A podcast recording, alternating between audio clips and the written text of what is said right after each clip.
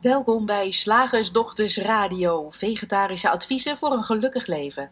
Linda Spaanbroek en Angela Mastwijk geven je een kijkje achter de toonbank van de menselijke ervaring. Hoe werkt het daar nu echt? Wij maken gehakt van ingewikkelde concepten en fileren met liefde ook jouw leven. Dat alles onder het motto geluk. Mag het een onsje meer zijn? Welkom luisteraars bij deze nieuwe uh, Slagersdochters podcast. Van oktober alweer. Ja, 3 oktober. Tijd vliegt als je lol hebt. Waar gaan we het over uh, hebben, Linda? Nou, ik, ja, oh, ik dacht, laten we eerst even onze namen noemen oh, ja, voor de nieuwe luisteraars. Ja. Maar je zei het al, jij bent Angela, ik ben Linda. Um, wij wilden het vandaag uh, op verzoek van um, een van de nieuwe deelnemers van onze uh, opleiding tot Three Principles Practitioner slash Coach, die in januari gaat beginnen. Uh, Annabel. Um, en zij had een, uh, een, soort verzoeknummer voor een onderwerp oh. waarvan ze zei: dat zou je daar eens over willen hebben. Vinden we leuk. En um, dat is het uh, onderwerp hoogsensitiviteit, gecombineerd met het opvoeden van hoogsensitieve kinderen. Oké. Okay. En um, ja, eigenlijk een beetje vanuit het idee dat dat dat een hot item is. Mhm. En Annabel geeft ook aan dat in haar dagelijks leven ze veel slag, slachtoffers tussen aanhalingstekens tegenkomt van hoogsensitiviteit. Ja. En dat uh, vooral ouders van volgens hen hoogsensitieve kinderen vaak klagen over het onderwijs en de druk die je in kunt te verwerken krijgt. En ja, ze zoeken een, een, een alternatief waar rekening gehouden wordt met de hoogsensitiviteit. En, en waar Annabel een beetje. Um, waardoor haar twijfels een beetje zijn, is dat bij hoogsensitiviteit ook vaak gekeken wordt naar, dan, dan moet er een buitenkant gefixt worden. Een Mhm. mm. buitenkant moet zich aanpassen aan de hoogsensitiviteit. En uh, ja, misschien even handig voor de, voor de luisteraars die dit begrip niet zo goed kennen. Um, hoogsensitiviteit of hooggevoeligheid wordt eigenlijk steeds meer een, uh, een ding. Een label is het? Een ja. label, ja. En dan niet een officieel psychiatrisch label, maar wel een label waar veel hulpverlening voor te vinden is. En het, uh, de kenmerken die daaraan toegeschreven worden zijn dingen als uh, moeite met het verwerken van prikkels, uh, niet van druk te houden, moeite hebben met geuren, bijvoorbeeld last hebben van labels in je kleding, omdat je dan ja, blijkbaar gevoeliger bent dan andere mensen die daar geen last van hebben. Um, en naast die hooggevoelige volwassenen zijn er ook steeds meer kinderen die als hoogsensitief te boek staan. En waar dan van gezegd wordt, ja, die hebben een aangepaste opvoeding, een aangepaste omgeving nodig, moeten anders behandeld worden op uh, school. En wij zien in onze praktijk dat hooggevoeligheid en hoogsensitiviteit verdwijnen bij onze klanten. Bij onze klanten en ook mensen, andere mensen die wij in opleiding hebben. Ja, ja. Naarmate, naarmate ze meer inzicht krijgen in de werking van die drie principes. En dat vinden we een hele. Ja. Dat is natuurlijk een hele interessante, hè? Mm-hmm. Dus wij wilden deze, deze podcast heel graag met je kijken naar. Uh, nou ja, naar, naar, naar, naar hoe, hoe zit dat nou? Met die hoogsensitiviteit voor jezelf als volwassene, maar ook voor, uh, voor kinderen. Ja. Is het, is, het, is het echt een ding of is het een bijverschijnsel? Hmm. Ja, dat is een heel interessante vraag. En, en als je zegt bijverschijnsel, um, uh, waar doe je dan uh, nou? Het, het, komt eigenlijk vanuit dat ik, dat ik merk dat um, bijvoorbeeld die ene persoon bij ons uh, in, de, die in de huidige opleiding tot drie principles coach zit. Uh, die, die, die was altijd hooggevoelig, hè? En ja. uh, tot, tot een niveau dat uh, ze ook tijdje coach is geweest, specifiek voor mensen Mhm. die hooggevoelig waren. En zij is bij ons de opleiding gaan doen, heeft helemaal niet stilgestaan bij de hooggevoeligheid. Nee. Maar als bijverschijnsel verdween de Ah. hooggevoeligheid. Ja, En dan denk ik, als je andersom redeneert, zou het dan niet kunnen zijn dat hooggevoeligheid een bijverschijnsel is van heel veel denken, van heel Ja. veel misschien wel registreren, maar er ook iets mee willen doen. Misschien wel van verzet. Dat is wat, wat in mij, mij opkomt. Ja, vertel Ja, het. ik weet niet. Nou, Ehm, kijk, als je praat over hooggevoeligheid, dan komt er automatisch eh, komen daar verhalen bij over waar die hooggevoeligheid dan voor is. Dus eh, geluiden, Mhm. beelden, geuren, sferen. En daarmee zeg je dus impliciet dat er, dat, dat er een buitenwereld is die een invloed heeft op jouw menselijk systeem en daar iets opwekt. Dat, dat het leven van buiten naar binnen werkt, Ja. zeg je in feite. Dus die geur waar ik niet van hou, of, of überhaupt eh, sterke geuren, die brengen ehm, verzet in mij teweeg. Die wil ik niet. Dus eigenlijk is het een soort verzet tegen de ervaring van dit moment. Een geur, Ja, ja, een geluid. Oh. Zo bedoelde ik hem. Ja, Een geluid, dat- een, een medemens, een, een, een instructie bijvoorbeeld. dat is wel interessant, want ik, was, ik ging gisteren met een vriend wandelen en ik haalde hem op en hij zei van, eh, of tenminste ik kwam aan bij zijn huis en toen bleek dat ik hem ophaalde, want hij wilde gelijk het huis uit, want aan de overkant waren ze eh, met drillboren, of met drillboren, maar ze waren voegen aan het verwijderen. En, en hij zei, ik kan helemaal niet tegen dat soort geluiden. Ja. En, daar, en als je dat zo zegt over verzet, zat daar inderdaad iets van verzet in. Eh, of zou ik er verzet in kunnen zien van Mhm. hé, hey, daar, daar, is geluid wat ik niet wil. Eh, ja, en, en, en, en dat je daar dan ook, dat je je er meer op focust, dat je je eraan gaat ergeren. En we weten natuurlijk, hè, daar hebben we het in deze radio-uitzendingen vaker over. Alles wat je denkt wordt geanimeerd door je bewustzijn met gevoelens. Dus er komt ook gevoel bij kijken. Mhm. Hè, als ik denk, verdorie, dat geluid. Zo kan ik me toch niet concentreren op mijn werk. Ja. Dan wordt, wordt die gedachte wordt geanimeerd. En je kan je heel goed voorstellen dat dan inderdaad dat er een gevoel oproept van ja, toenemende, toenemend verzet, toenemende En, en, boosheid. en verzet kost heel veel energie, is ook wat er in mij opkomt. Ik hoor veel van eh, mensen die hooggevoelig zeggen te zijn, dat, ehm, dat het ze heel veel energie kost.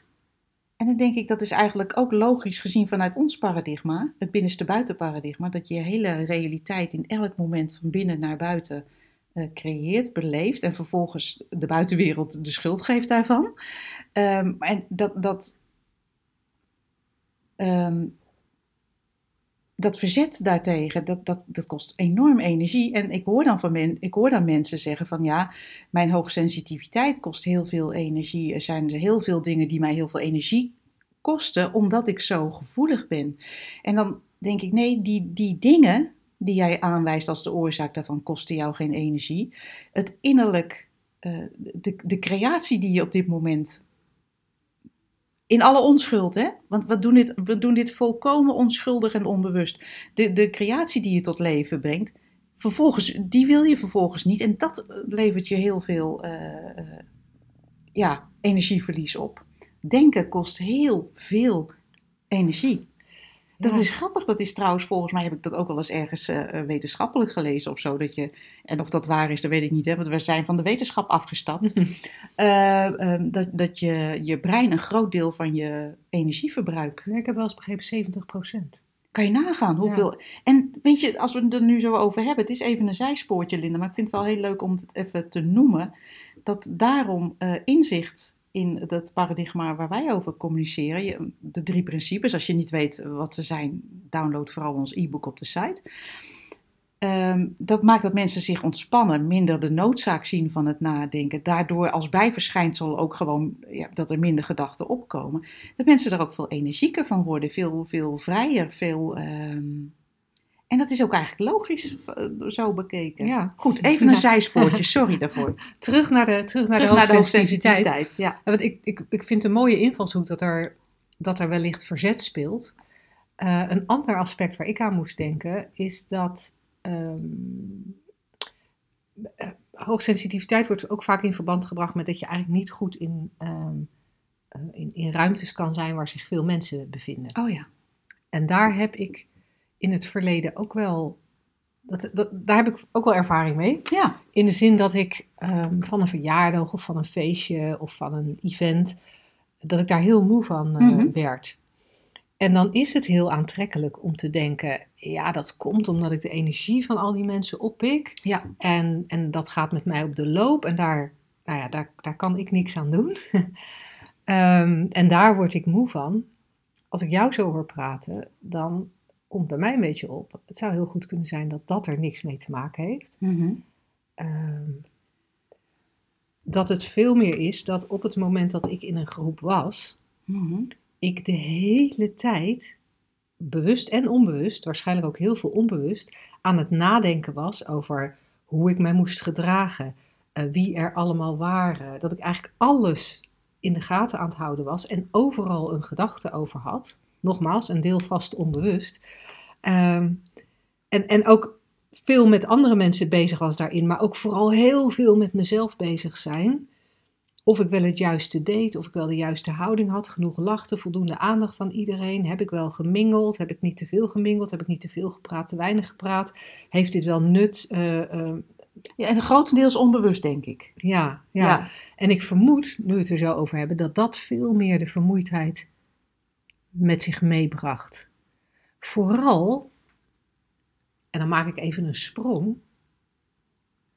Vooral omdat wij inmiddels vanuit die drie principes weten dat alles en iedereen één is. Ja, daar wil dus ik ook hoe kan ik last hebben ja. van jouw energie als wij één zijn? Ja. Het enige, wij zijn één energie, wij zijn één levensenergie. De enige reden dat ik er twee ervaar, is, is ook weer dat denken. Ja, en inderdaad.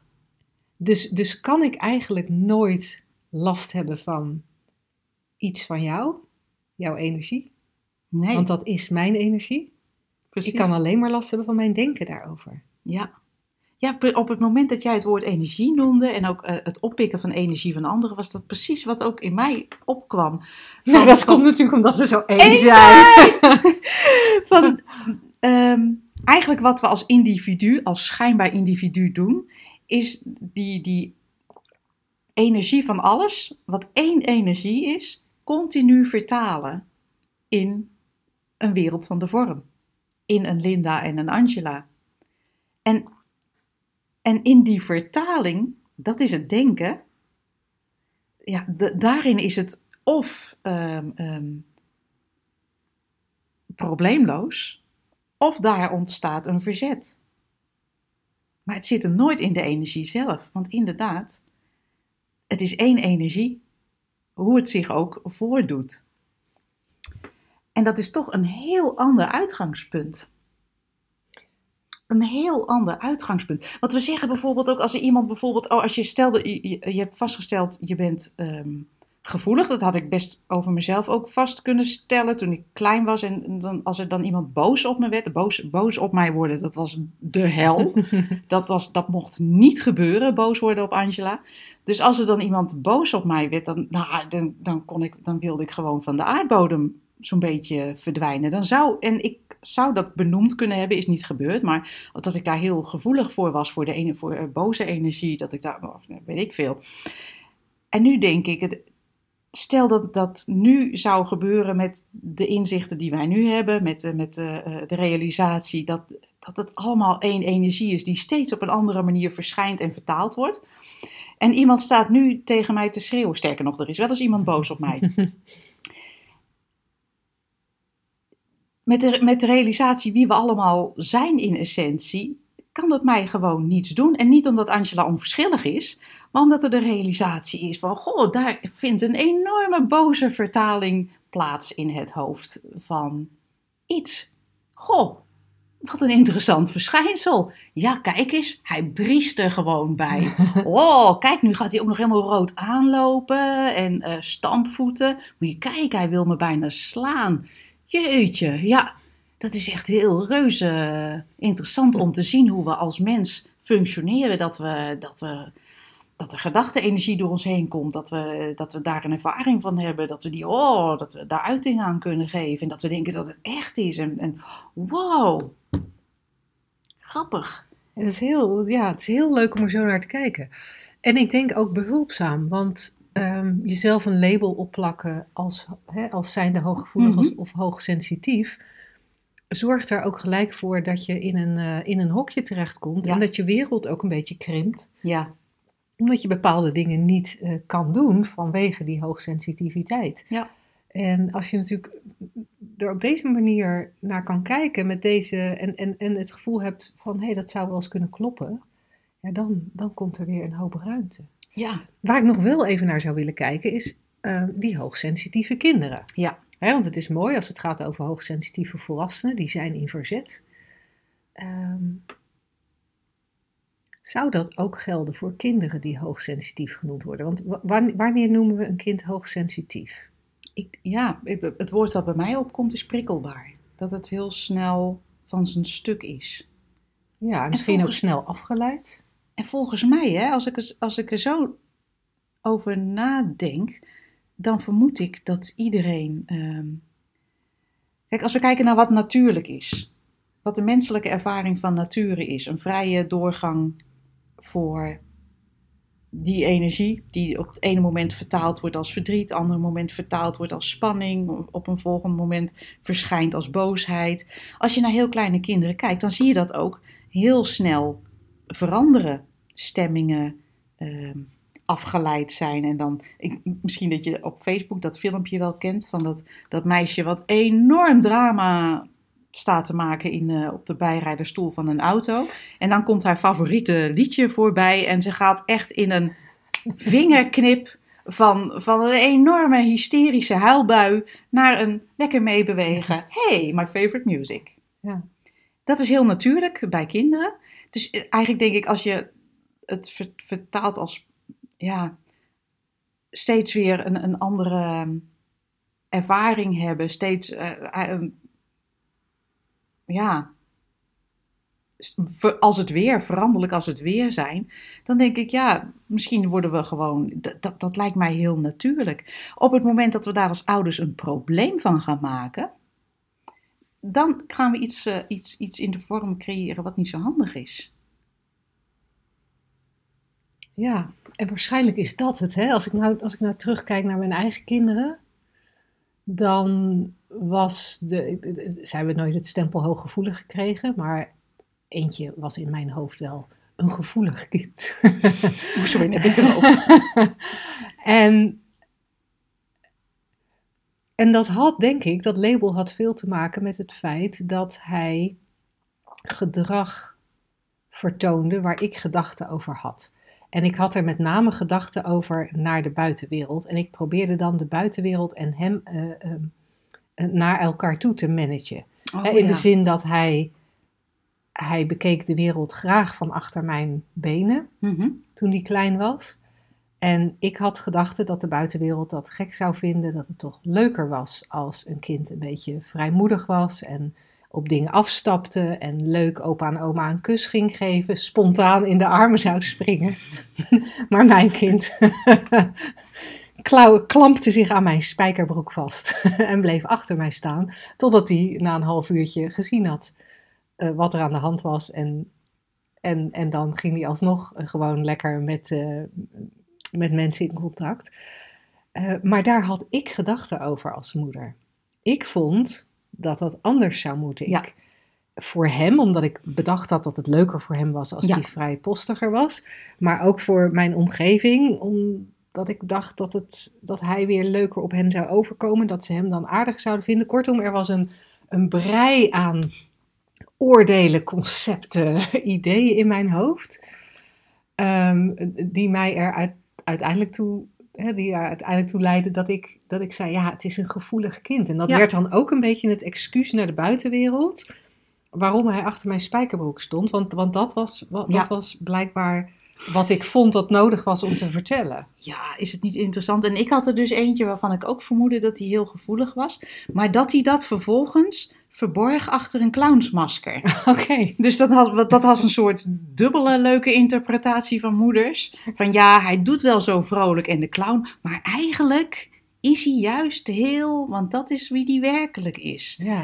En dan kom je eigenlijk in een raar soort spagaat dat je, dat je kinderen, wat jij ook zegt, continu aan het monitoren bent of ze wel oké zijn en of hoe ze zich gedragen en waar dat een uiting van is. En dat, ze, nou ja, dat het fijner zou zijn voor moeders, het kind zelf en de hele omgeving, vooral het kind zelf, want daar hebben we natuurlijk het beste mee voor. Mhm. om, om zich anders te voelen dan dat het op dat moment zich voelt. En dan denk ik, wat een verademing moet het zijn als je als ouders inzicht krijgt in hoe het systeem daadwerkelijk uh, werkt. Heb ik zelf natuurlijk ook uh, gemerkt. Um, wat een verademing dat is dat je alleen maar eigenlijk zo'n kind hoeft te vertellen wat hij eigenlijk al weet. Dat gevoelens en uh, gewoon normaal zijn. Dat die mogen. Dat het een tijdelijke ervaring is. Dat het niets anders is dan energie die door je heen komt. Dat er een volgende moment weer een, eh, weer een nieuw moment is. Dat je nergens in hoeft te blijven hangen. Dat het oké is van, eh, om, om van hysterisch eh, janken naar lekker op je favoriete muziekje dansen gaan. Dat dat, dat dat volkomen natuurlijk is.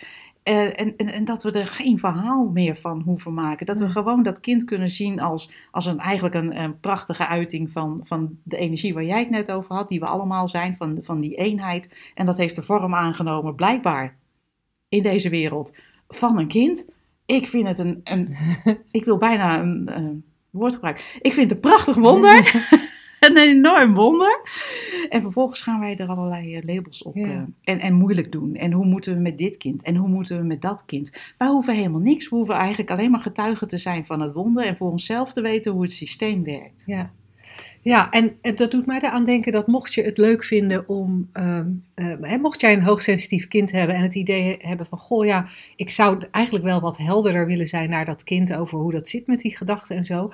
Angela heeft inmiddels alweer een, eh, een paar jaar geleden een eh, superleuk kinderboek geschreven, dat heet Binnenste Buiten Bente. Het is op onze website eh, shiftacademy.nl te bestellen en dat is heel specifiek voor kinderen van 6 tot 86. Ja, zoiets. Ja, die range. 87 mag ook. Ja.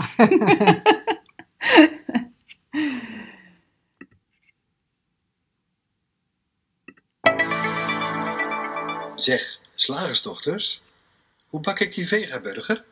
Over naar de luisteraarsvraag. We En- hebben weer wat binnengekregen. binnengekregen. Ik moet hem er even bijzoeken van Ja. Suzanne. Kijk. Ik heb het moeilijk om mijn kind, mijn 21-jarige dochter, los te laten. Zij heeft te kampen gehad met drugs en foute jongens. Het gaat nu beter. Maar ik wil haar behoeden. Jullie hebben dit alles in een uitzending gehad en toch blijven er nog rafels hangen. Vandaar mijn vraag. Iedere keer als ik denk, oh ja, ik ben God niet, ik kan haar niet redden. Ik mag inmiddels ook wel eens aan mezelf denken. Ze zal haar eigen lot moeten dragen, et cetera. Ik snap wat ik vind en toch worstel ik met mijn gevoelens. Ik snap dat ik niets te willen heb. Er is geen controle op niemand. En toch vind ik geen rust. Oh, hoe herkenbaar is dit? Voor iedereen die moeder is of een moeder heeft die dat doet. Ja. Ja. Heel interessant. Ja, ja dit zijn allemaal, eh, Suzanne, wat je schrijft, hele, hele ehm, mooie verwijzers naar iets, naar, naar ehm, ehm, wat je drie principes zou kunnen noemen. Je bent God niet, je kan haar niet redden, je moet aan jezelf denken, ze zal haar eigen lot moeten dragen. Mooie verwijzers, maar niet de essentie waar het om gaat, niet de essentie van wat wij eh, ehm, communiceren. Ik wil beginnen met die eerste vraag, dat vind ik, want dat vind ik, eh, of de eerste zin.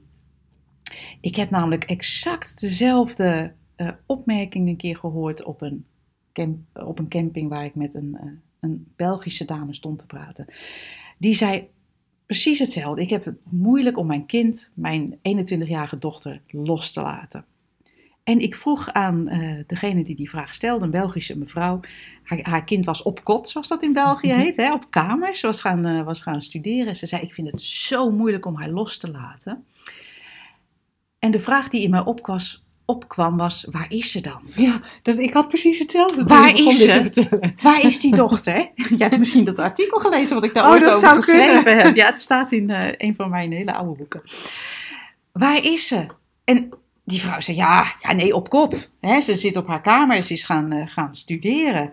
Ik zeg, dus, dus ze, ze- je hebt haar niet hier nu in handen. Want ja, het, het kan zijn dat ik niet goed kijk, hè, dat ik even, ik weet niet, een, eh, een, een stoornis in mijn zicht eh. Maar je hebt haar niet onder je arm nu. Nee, nee, ze is in Antwerpen op kot. Maar eh, de volgende vraag, logischerwijs, was: wat wil je dan loslaten? En, in eerste instantie ze- zei ze: ja, ja, nee, mijn dochter. Zei, nee, maar, nee, maar die is hier helemaal niet. Wat wil je loslaten? Waar is ze? Voor jou op dit moment. En we kwamen eigenlijk op een heel, heel natuurlijk en snel tot de conclusie: in mijn hoofd. In mijn hoofd, de enige beleving die ik, eh, die ik van mijn dochter heb, die, die, as we speak, waarschijnlijk in Antwerpen op haar kamer zit, misschien aan het feest vieren is of ergens in de goot ligt met een fles whisky, dat weten wij niet. Tenzij we haar nu bellen en vragen, kind, waar zit je? En hopen dat ze dan Opneemt. opneemt en de waarheid spreekt, wat dat ook mogen zijn. Op het moment dat we dit soort dingen uitspreken, hebben we het over een gedachte in ons hoofd. Die misschien wel honderdduizend keer per dag voorbij komt. Of elke dag eventjes de, de, de, de kop opsteekt, s'avonds voordat we gaan slapen bij voorkeur, zodat we niet kunnen slapen. Of, of s ochtends ehm, de- tien seconden na het wakker worden. Oh, mijn dochter, als het maar goed gaat. Heeft niets met die dochter te maken. Nee, dus we hebben het, in, we hebben het eigenlijk over ehm, het loslaten van gedachten. Ja, En nou zijn wij niet zo van het loslaten van gedachten, omdat dat, dat is weer een taakje. Dan moet je weer wat. ja. Wij houden niet van taakjes. nee, geen opdracht. vinden wij te moeilijk. Ehm, en, dat, en dat lees ik ook een beetje in, in het vervolg van de vraag van, ehm, van Suzanne. Daar zitten eigenlijk veel taakjes in. Ja. Eh, denken dat ik God niet ben. Eh, oh ja, ik moet er wel aan denken dat ik haar niet kan redden. Oh, ik, moet wel, ja, ik, ik mag ook wel eens aan mezelf denken. Zij zal haar eigen lot moeten dragen. Het zijn allemaal van die ja, Goed. bijna trucjes. Ja, goede ideeën, ik snap, maar ja, goede niet de ideeën. essentie. En eh, geen controle op andere mensen hebben. Ook dat is, is weer. ehm, dat, dat zijn allemaal goede ideeën, goede concepten. En dat is ook als je in persoonlijk ontwikkelingsland kijkt, zijn dat ook de Ja. mantra's die, eh, Ja. die we vaak meekrijgen. En Ik wou net zeggen, zo, zo, van. Ja, maar zolang jij op dat tegeltje moet kijken of je het jezelf moet vertellen, is het niet waar het om gaat. Dan blijf je nog een beetje hangen in goede ideeën. Ja. Linda, wat is de volgende stap die we dan kunnen maken? In, in plaats van onszelf dit te vertellen, wat is er te zien? Of Ja. eigenlijk, ja, dat, dat is natuurlijk, eigenlijk, aan, eigenlijk is het aan Suzanne zelf wat zij daarachter kan zien, wat er daar te realiseren is. Maar in ieder geval, eh, het, het, het feit dat het niet de dochter is die losgelaten moet worden, maar gedachten die doorzien mogen worden. ja, ik denk dat dat een goede toevoeging is. Dat Ja. ook de gedachten hoeven niet losgelaten Nee. te worden, maar doorzien te worden. Ja, En, en wat in mij opkomt, hè, je, je vroeg van wat, wat is een stap, Ja. maar ik weet helemaal niet of dit de eerste stap is, maar wat in mij opkomt, is om je te realiseren dat elk van die gedachten, in dit geval over je dochter, maar elk van die gedachten roept een gevoel over, roept een gevoel op, hè, dat, of een sensatie in je lijf. ja, En het zijn vaak die sensaties die we vervelend vinden. En voor mij ziet het er ook uit alsof die sensaties, ehm, ja, die, die, die, die roepen een gemoedstoestand op. En, en vervolgens ook weer nieuwe gedachten. En naarmate de sensaties onrustiger zijn of vervelender zijn of verdrietiger zijn, lijkt er een soort spiraal te ontstaan van meer onrustige gedachten in dit geval. Maar het kunnen ook verdrietige gedachten zijn als, jou, hè, als, als jij heel veel nadenkt over iets wat verdrietig is. En, en die meer onrustige gedachten geeft meer onrustig gevoel, geeft meer onrustige gedachten. ge- En je komt, je komt in een steeds. Het wordt steeds lastiger en steeds ingewikkelder. En het lijkt tegelijkertijd steeds echter. Want met elke Ja. nieuwe sensatie die er in je opkomt, voelt het als waarheid. ja, En wordt het lastiger om, om, om te doorzien, hé, hey, ik ben een Fata Morgana aan het creëren. ja. En het is zo fijn om te weten dat de rust zit in de realisatie wat we, dat- wat we doen als mens. Ja, we creëren in elk moment volkomen onbewust. Het gaat echt vanzelf. Het is niet dat we dat, dat eh, ehm, kunnen controleren. Anders, eh, hè, dat, dat Hmm. proberen we wel met NLP en weet ik veel. Volkomen onbewust wordt er in elk moment een, een, een, een ervaring gecreëerd. En het enige wat we, de- wat we kunnen doen, wat niet iets te doen is, is het herkennen voor wat het is. Dat. Precies Ja. wat jij zegt. En dan op een andere manier. En Ja. daar zit de rust in. De rust zit daaronder. In Ja. de ruimte waar al die eh, ervaringen in opkomen, al die gedachten en al die gevoelens. En weet je wat ik ook zo. Wat ik, wat ik eigenlijk nog wil toevoegen, ik weet niet of dat, dat handig is, maar het kwam er ook nog even in mij op dat als je weet dat, dat je eigenlijk. Ik, ik ben God niet, zegt, zegt Suzanne. Maar, maar we hebben wel, wel allemaal, zijn we onderdeel van een, van een universele levensenergie die waanzinnig intelligent is. Kijk maar, eens, kijk maar eens hoe de natuur in elkaar zit. We hadden het net over kinderen. Nou, we weten allemaal technisch, hoop ik, denk ik, hoe dat in elkaar zit, hoe een, hoe een kind tot stand eh, komt. Hè? De, de eerste creatie, maar ergens gebeurt er toch een wonder, hè? Waardoor, waardoor de vorm ontstaat. Ehm, Ja, en waardoor er iets in Ja. zit wat wij een ziel noemen, ja, maar die nog nooit iemand gezien heeft. Ja, het is echt, echt, echt ongelooflijk. Ehm, Maar, wij- wij- maar wij zijn een onderdeel daarvan. En we noemen dat ook wel eens, we hebben daar verbinding mee. Hè, en die kan echt niet verbroken worden. We zijn onderdeel van die oneindige intelligentie. En als je die kant ook een beetje wat er dan in mij opkomt, is van zodra mijn... Ik heb geen dochters, ik heb alleen maar zonen. Maar als mijn zoon mij over vijf minuten belt... Mam, even kijken wat het was. Ik heb een, eh, een, een slechte trip, ik heb LSD genomen dat ik dan onmiddellijk zal weten wat ik moet doen. Als morgen mijn andere zoon eh, belt met even kijken. ehm, nou, ik heb. ehm, wat zullen we het foute pad noemen? Ik heb eh, een, een misdaad begaan. Ik zit in de gevangenis. Eh, eh, kom je me bezoeken?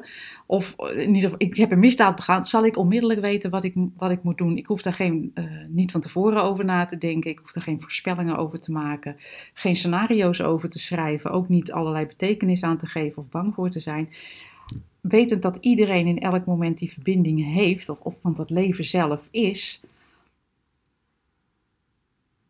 kan je ervan uitgaan dat op het moment dat het zich aandient, dat je wel zal handelen. Ja, ja en, Als er en- iets te doen is. Ja, en wat ik, wat ik belangrijk vind om toch nog even te benadrukken, we hebben het gezegd, maar ik wil het graag nog een keer in andere woorden zeggen, is dat dat wat je ervaart als moeilijk om los te laten, dat dat alleen maar een gedachte-energie is die van nature door je heen stroomt. Dat het niks is, maar wel echt lijkt. En als je die energie kunt laten, kunt laten, Gewoon ervaren, want dat is dat wat we hier doen. dan gebeurt er iets. Wat, dat, dat ga je merken, We horen het heel graag.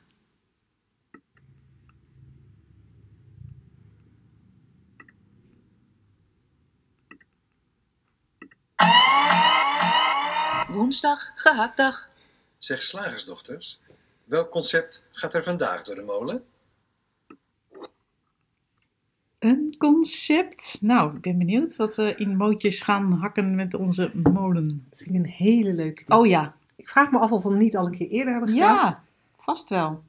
Maar dan doen we hem nu nog een keer. Doe gewoon, kan het schelen. Als het niet goed voelt, dan moet je het niet doen. Oh ja.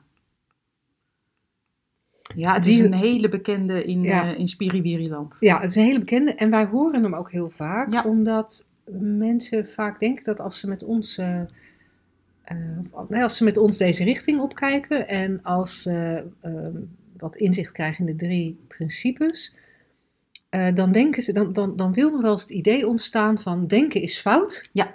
en voelen is goed. En Ja. ja gedachte, Ja, gedachte ja. is maar, weet je, de gedachte dat Hè, is, nee, dat is dus verstandelijke. Nee. Maar intuïtie, wijsheid, dat is heel goed.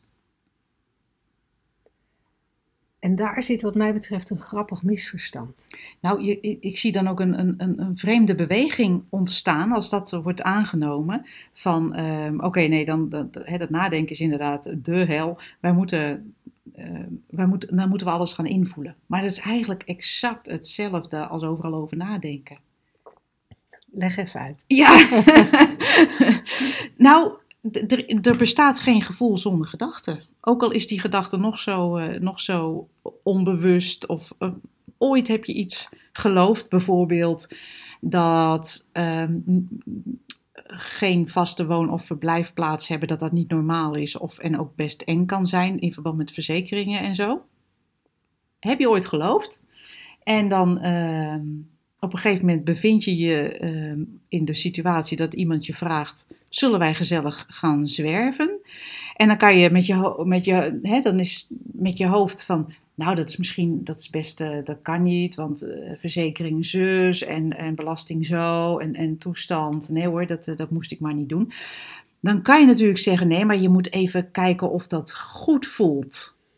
Nou, ik kan je garanderen, als dit toevallig gedachten zijn die jij, die jij gewend bent te geloven, hè, gedachten van hou vast en, en, en dingen regelen en, en controle, dat het niet goed voelt om te gaan zwerven.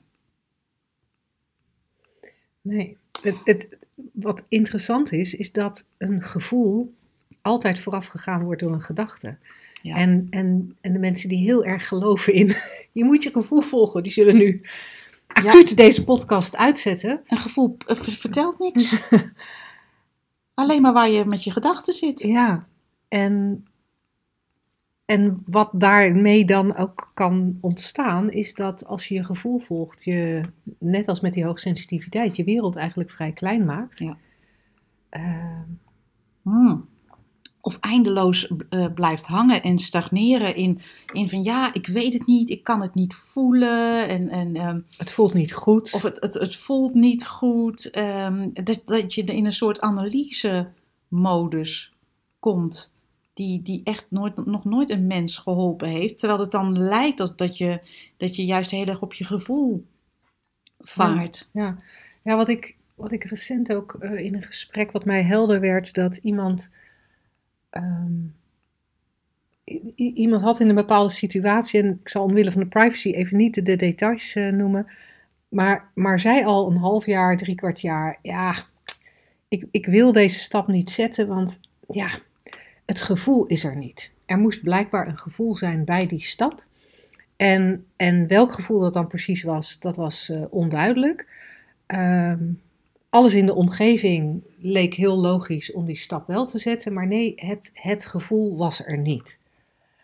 En ehm, dus de stap werd ook niet gezet. En nou, dat is natuurlijk prima, dat, dat, Ja. dat, dat mag.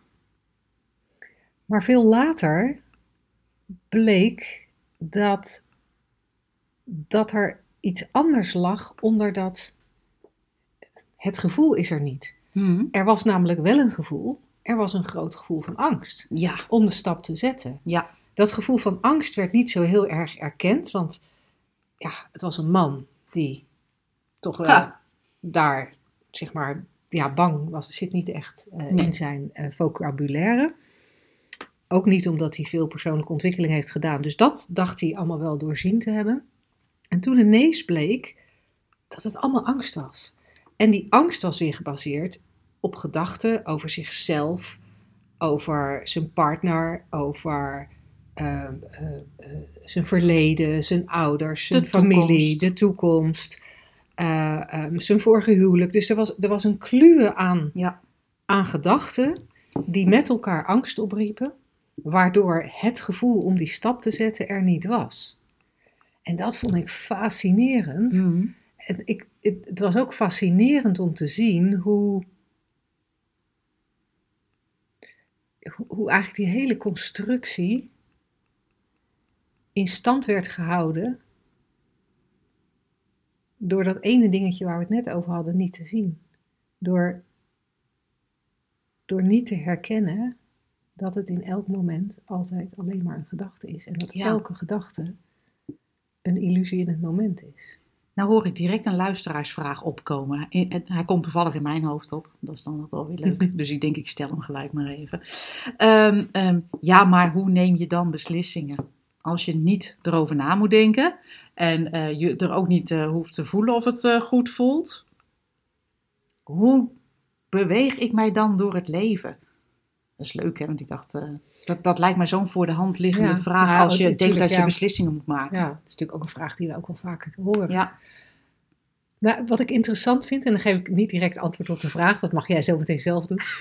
Ehm, wat ik interessant vind, is dat we denken dat het uitmaakt wat we beslissen. Ja.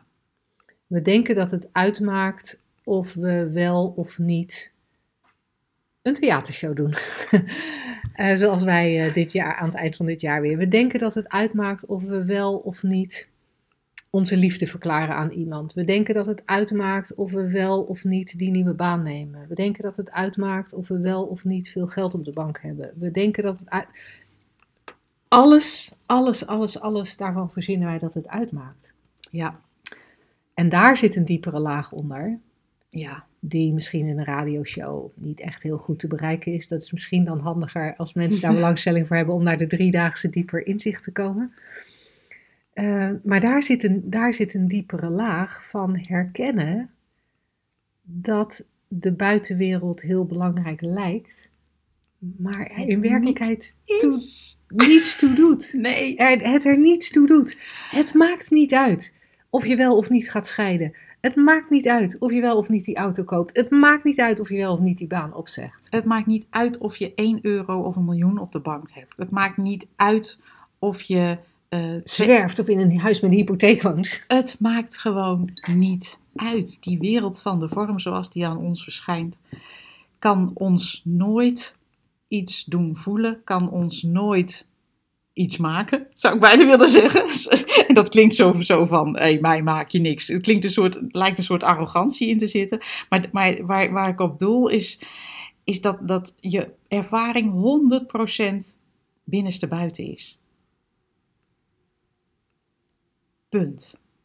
En, en er zit misschien nog wel een laag onder die we ook voor de driedaagse denk ik moeten, moeten bewaren. Ik ga me alleen even de vraag eh, stellen. Het is leuk om jezelf af te vragen van, van maak jij die beslissing wel? Natuurlijk, op een gegeven moment wordt er ja of nee gezegd, maar waar kwam die vandaan? Die ja of die nee. Die ja of die nee. Kwam dat na heel lang nadenken? Kwam dat na heel lang invoelen? En toen de ja of toen de nee? Stond je gelijk op? Koos je oranje? Die man? Die baan? Misschien moet je daar eens naar kijken. Waar Dat- komen beslissingen vandaan? nou, dat is een hele mooie om je mee eh, naar volgende week te sturen. naar de Ja, volgende podcast. ga er een week over na zitten denken. Nee, hoor. maar het, maar het, is wel, eh, het is wel leuk natuurlijk als we, als we ja, dat, dat soort, in dat soort dingen duiken. En dan misschien wel tot de ontdekking komen dat alles heel anders is dan je tot nu toe hebt aangenomen. Ja. je tot nu toe als waar zag. Of je, dat nou, of je nou heel rationeel al, al eh, 50 jaar door het leven gaat. Of dat je hoogsensitief ehm, van, van je geboorte tot, eh, tot nu bent.